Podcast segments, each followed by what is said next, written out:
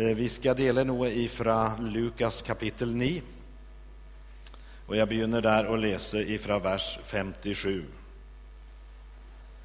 Mens de gikk videre på veien, sa en til Jesus, Jeg vil følge deg hvor du så går.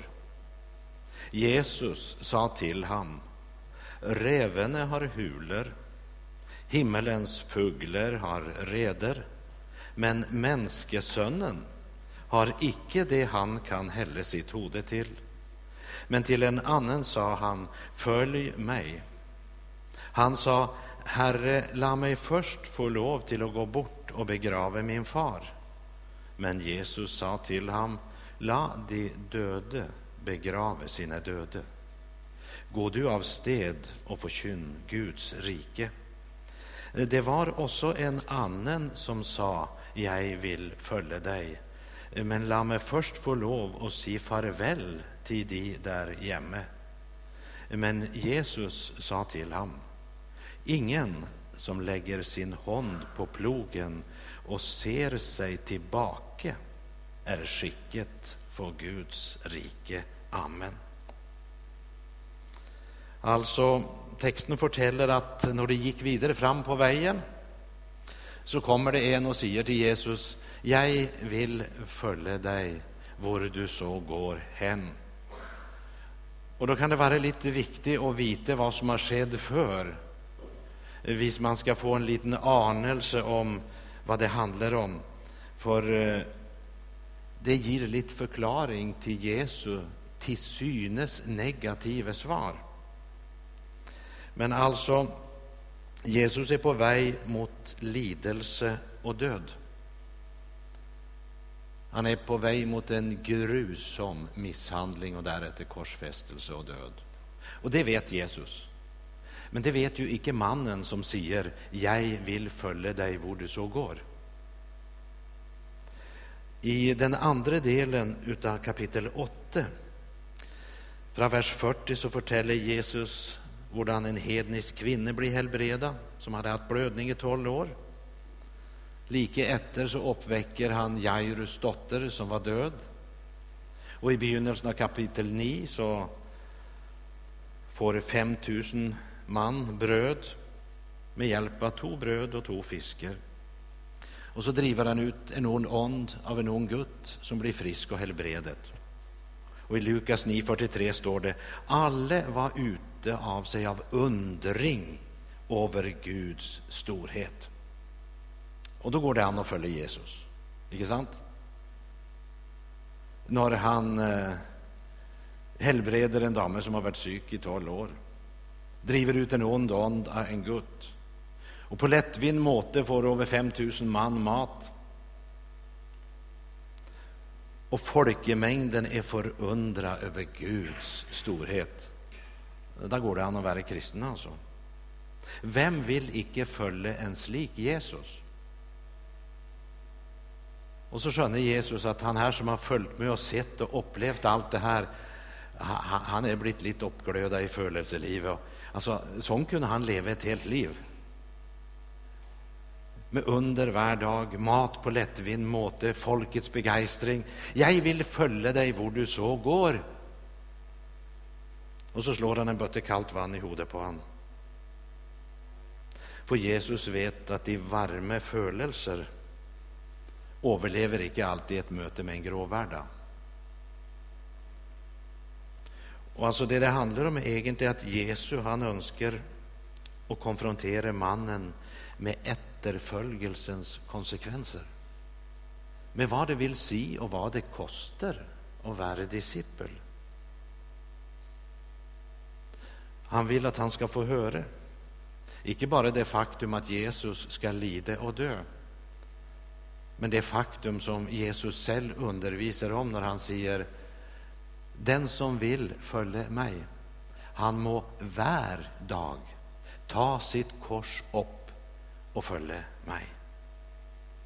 Og det er jo ikke akkurat noen lokkemat. Og så er mitt spørsmål til deg i kveld fra Herren. Er du rede for et liv hvor du ikke har noen annen trygghet enn Gud. Ingenting annet å støtte deg til eller håpe på. Har du beräknat omkostningene av å følge ham? Det är som Jesus säger till den här mannen. Har du beräknat vad det kommer till att kosta dig? I Lukas 14 står det från vers 27.: Den som icke bärer sitt kors och följer efter mig kan icke vara min disippel. För vem av dere som vill bygga ett torn sätter sig icke först ned och regner ut vad det vill kosta om han har nok till att fullföra det med? Ellers kan det hende att han får byggd grundmuren, men icke är i stand till att fullföra. da vill alle som ser det, begynne å spotte ham og si denne mann begynte å bygge, men var ikke i stand å fullføre. I noen perioder så er det virkelig mange som vil følge Jesus. Etter brødunderet så var det mange som ville gjøre han til konge. Og det ligger for din og min falne natur, det, å gjøre Jesus til konge. Det vil si gjøre han till något annat än det han egentligen är. Han är ju konge på en måte, men med tørnekrone. Kongene i denna världen de har gullkrone, och det är något annat. De ville göra han till konge, men när han stod fram och förtalte varför han var kommet, och vad som var hans gärning. Då stod det att de flesta sa detta var hard tale, vem kan höra på han? Det var en misslyckad möteserie, för att säga det milt. Kan du se får du ett tältmöte med 6000 människor? Och när predikanten är färdig så har de gått allesammans, men Det är bara 12 igen och de tillhör arrangemangskommittén. Och så ser du som de har tänkt att gå, de också.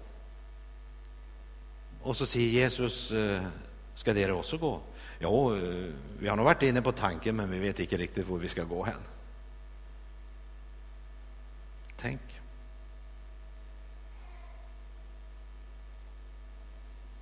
Alltså, Jesus han konfrontera den här mannen. För det, det, kan ju höras negativt ut, men det är kärligheten som talar, icke förakt. Jesus föraktar aldrig noen. Och Som Jesu discipler har vi aldrig rätt att förakta någon, uansett vår dypt de må synke. Vår dypt de faller här i denna världen har vi aldrig rätt att förakta någon. Vårt kall är att sträcka håna ut och vara redo till att hjälpa. Men när Jesus möter han med det här så är det som han säger, Du må ha klart för dig någonting grundläggande. Frälsen är fri, men det kommer att kosta dig allt om du vill ta emot den.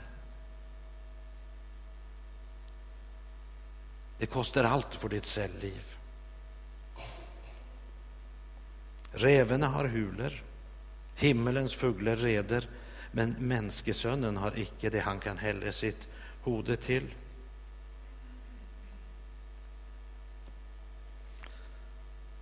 Och så näste man han möter, till han, säger han ”Följ mig!” Det verkar som den ene stöter han nästan bort Och ser du och är klar över att du går ett tufft liv i möte. Det är en hög pris att betala, Det är vidunderligt, men det kommer att kosta dig allt, Men det kommer också att ge dig allt. Och så möter han en annan en, och till han säger han ”Följ mig!” Jesus behandlar alla forskjellig, för han känner oss var och en. Han vet att den ene han har varit med och sett så mycket av Jesu underverk och sett Jesu triumf, så han må kjøles ner lite så han kommer med benen på jorden. Men så vet han att den andre typen där, han må ha en utfodring hvis han ska greja och ta ett steg i tro.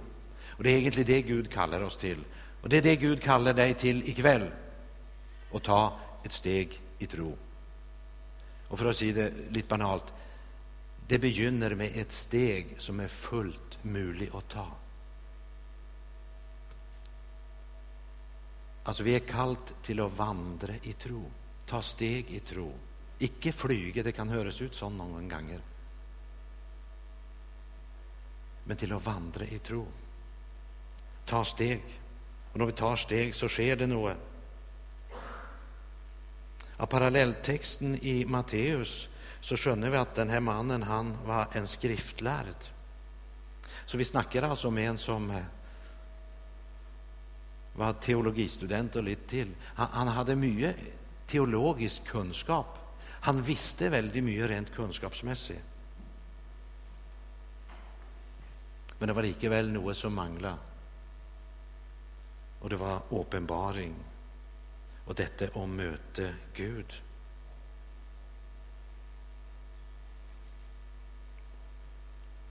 Och den andra får höra följ mig. Men där var det något som track starkare än Jesus. Herre, la mig först få lov till att begrava min far. Alltså, om vi inte känner den judiska kulturen så tänker vi att väl, så, så tufft kan det ju inte vara.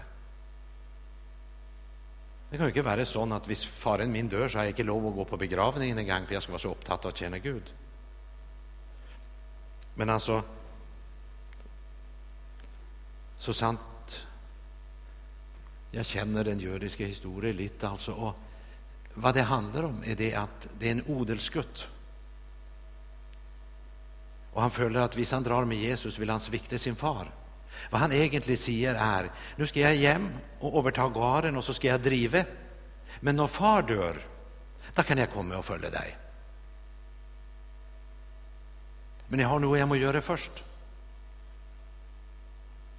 Och så säger Ladi de döde begrava sina döde. Vad menar han med det? Jo, det är många ting du kan vara flink på, även om du inte är född på ny.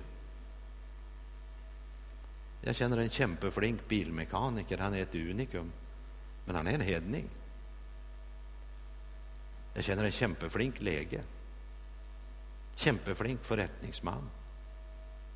Det är så otroligt mycket du kan göra själv om du inte är född på ny. Men, säger Jesus, och bära ut vittnesbyrde om den uppstandne Kristus, det kan kun den som är född på ny göra.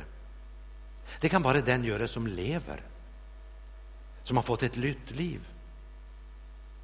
La de döde begrave de döde. La de, de som är döda jobba med de ting som de kan, men som de också kan göra utan att vara född på ny. Men du må göra det som bara den kan göra som har fått liv i Gud. Det står nog i Efeserbrevet, jag ska slå det upp så jag gengiver det riktigt. Även om kona inte är med ska jag göra det. Det är hon som har sagt det att du måste sluta med att citera helt fritt, sa hon. Det, det blir lite fel någon gånger. Så då har jag lovat att jag ska slå det upp. Så är man lite garderad. Hör nu här från begynnelsen av Efesierbrevet 2. Också dere har han gjort levande. Dere som var döde vid deras överträdelser och synder. I disse vandret dere för på denna världens vis efter hövdinger över luftens makter, den ond som nå är virksom i vantroens barn. Vi vandret alle bland dem i vårt köds lyster och vi gjorde ködets och tankens vilje. Vi var av naturen vredens barn liksom de andra. Men Gud som är rik på misskund har på grund av sin store kärlighet som han älskat oss med gjort oss levande med Kristus, vi som var döda vid våra överträdelser. Du som är född på ny, gå och rop ut till vår världen att det är frälse, hopp och liv att få. Fortell om Jesus. Jag är korsfästet med Kristus. Jag lever icke längre själv, säger Paulus, men Kristus lever i mig. Det liv jag nu lever i ködet, det lever jag i troen på Guds son som har älskat mig och gav sig själv för mig. Jag är korsfästet med Kristus. Jag lever icke längre själv. Alltså jag mötte en man för många år sedan under järntäppets tid när jag var med och smugglade biblar bak järntäppe. Så var det ett sted vi levererade väldigt många biblar. Vi hade också mött ett annat team som vi övertog lasten av, så vi hade egentligen dubbelt uppsätt. Så jag har aldrig i mitt liv levererat så många biblar på ett sted. Så jag sa till kollegan att när vi kommer till han så, så säger han, hvordan i all världen kom det genom gränsen med så mycket litteratur? Men det sa han inte. Han sa, hur fort kommer dere tillbaka och hur mycket får jag på nästa tur? Jag vill säga, hur mycket klarar du att distribuera? Ja, sa han, jag har en höjt uppsatt stilling i staten, så det är ingen som misstänker mig. Och hit kommer de icke och hämtar en och en, här hämtar de 50. Jag har ett distributionsnät och jag kör ut.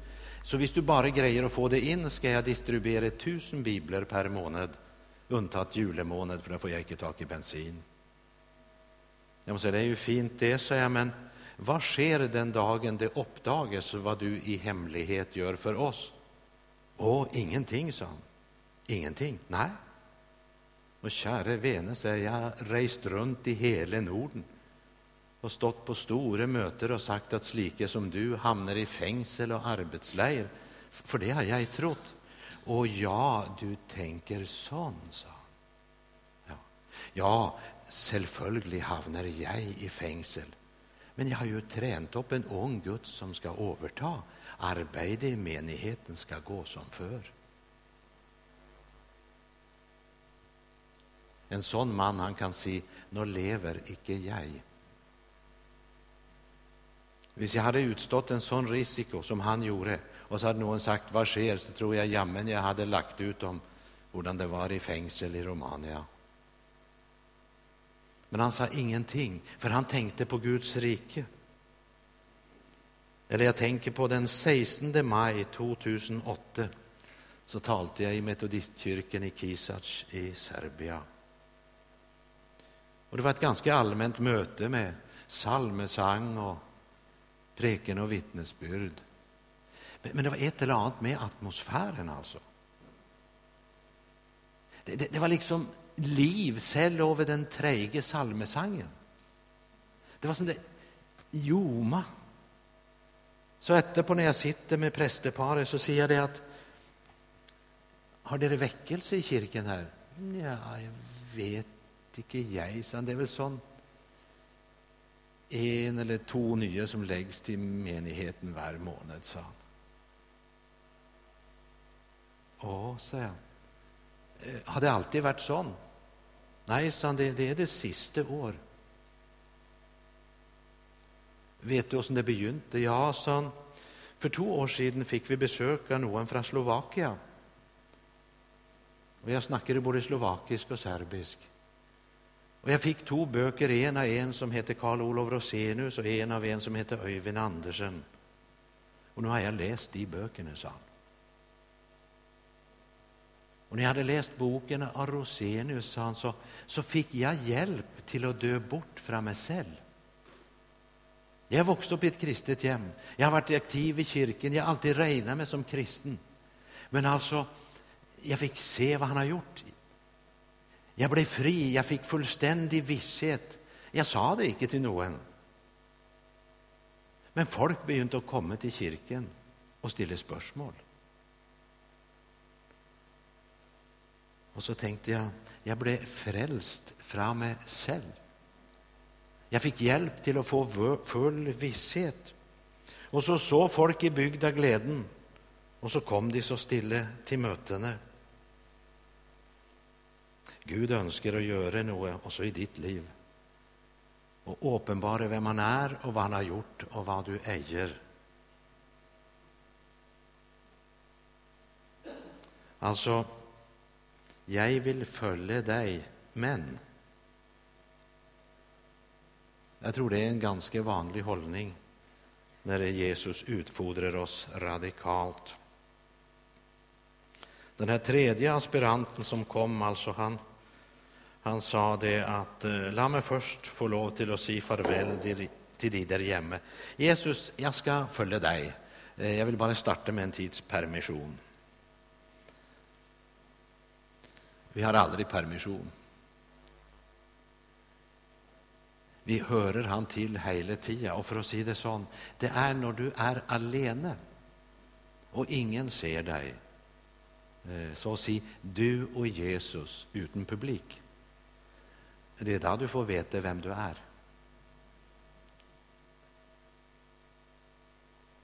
Det står ett sted om ett folk som hade ett skinn av gudsfrykt, men de ville ikke vita av dess kraft. Och där är det någon som tänker på att det här äh, med Guds kraft, det är liksom det att helbreda eller utföra mirakler. Men det är det som är skinnet. Det är det du kan se. Det du kan se, det är grejt. Vad Jesus säger där är att det är många som gärna vill ha mycket kraft till att uträtta ting som folk kunde se och bli imponerade över. Men när de är helt alene och ingen ser dem, då söker de icke kraft till att leva ett heligt liv. Då bryr de sig icke, för då har de ingen publik.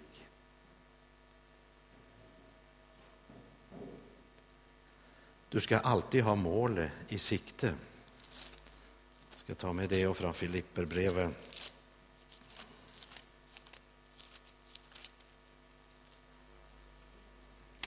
3.12 Paulus säger sån, icke så att jag allt har nådd detta eller allerede är fullkommen, men jag jagar efter det för att kunna gripa det, för jag själv är grepet av Kristus.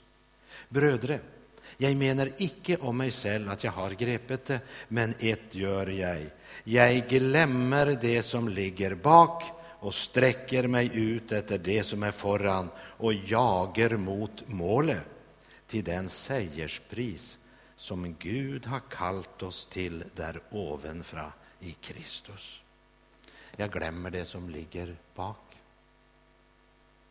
Jag tror vi alla har något som ligger bak. Ett fall, en svikt, kanske något riktigt mörkt, förfärligt som plager. Men alltså Gud vill ge nåde. Han vill slätta det ut, inte så att han ser med fingrarna, men han gör det upp.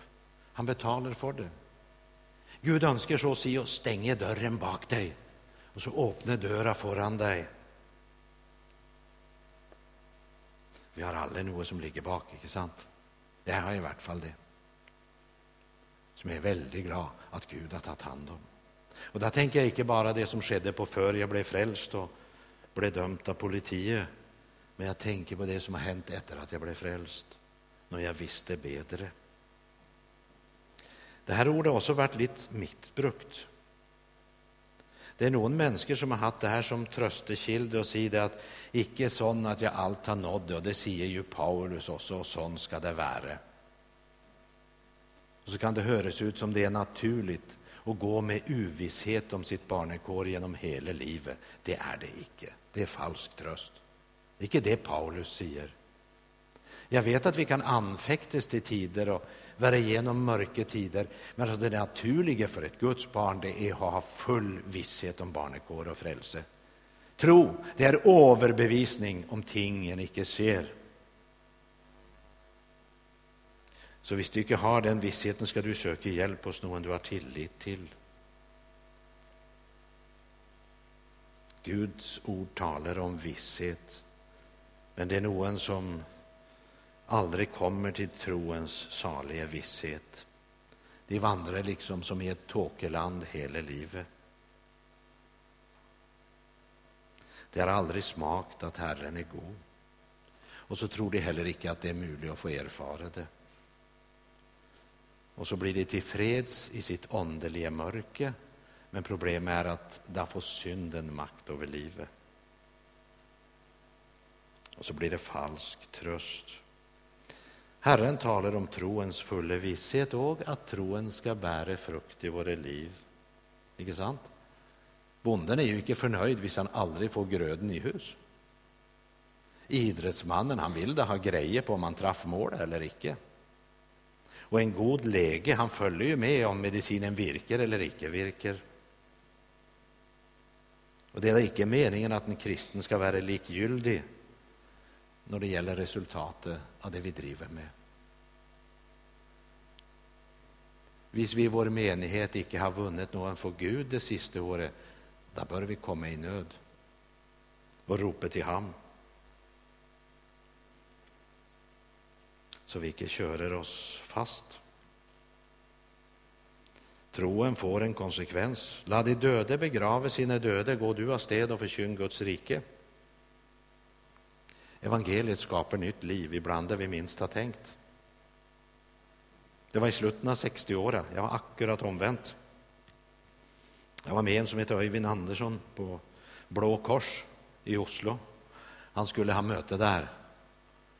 Och så fortalte jag att den här gamle, den här unge kriminelle svenske alkoholisten hade mött Gud. Så etterpå var det en av alkisene som satt där som ville snacka med mig och så sa han ja, då vet du åssen detta är. Jo, jag vet det, sa jag. Men så hyggligt att du går här. Ja, du vet, sa han, vi får, eh, vi får färska vetebollar och så får vi kaffe, sa han, Och så är det ju varmt här inne, sa han. Och så, men så får vi ju en andakt på halsen, sa han. Ja, det var ju lite dumt. Eh, men han sa, du känner det att de låser rätt för andakten. Eh, så man må ha den med om man ska ha kaffen. Ja, så man fick heller genomlida det där, inte sant? Den var, var nog så kort. Och så 14 dagar etterpå så var vi där igen och jag kände igen mannen. Och andakten var inte mer än 8-10 minuter. Och så tänkte jag, förra gången så sa han det att han fick en andakt på halsen, och det syns han var illa. Och nu kom Öyvind bara halvvägs i andakten, så reste den här mannen och sa ja, ja, sa han, nu ser jag det. Ja. Det var stort att få knäla med honom. Tenk när Gud åpenbarer seg for et menneske. 14 dager før så fikk han en andakt på halsen, og nå så han det. Kjære venn, be om å få se noe. Be om at Gud berører ditt liv på en slik måte at det får konsekvens, så at andre kan merke det. I de åra jag jobbade i Transworld Radio så hade jag en kollega i ett muslimskt land som levde under ganska vanskliga kår. Han brukte naturligt nog en pseudonym, han kunde ju inte säga sitt namn. Då hade de tagit han med en gång.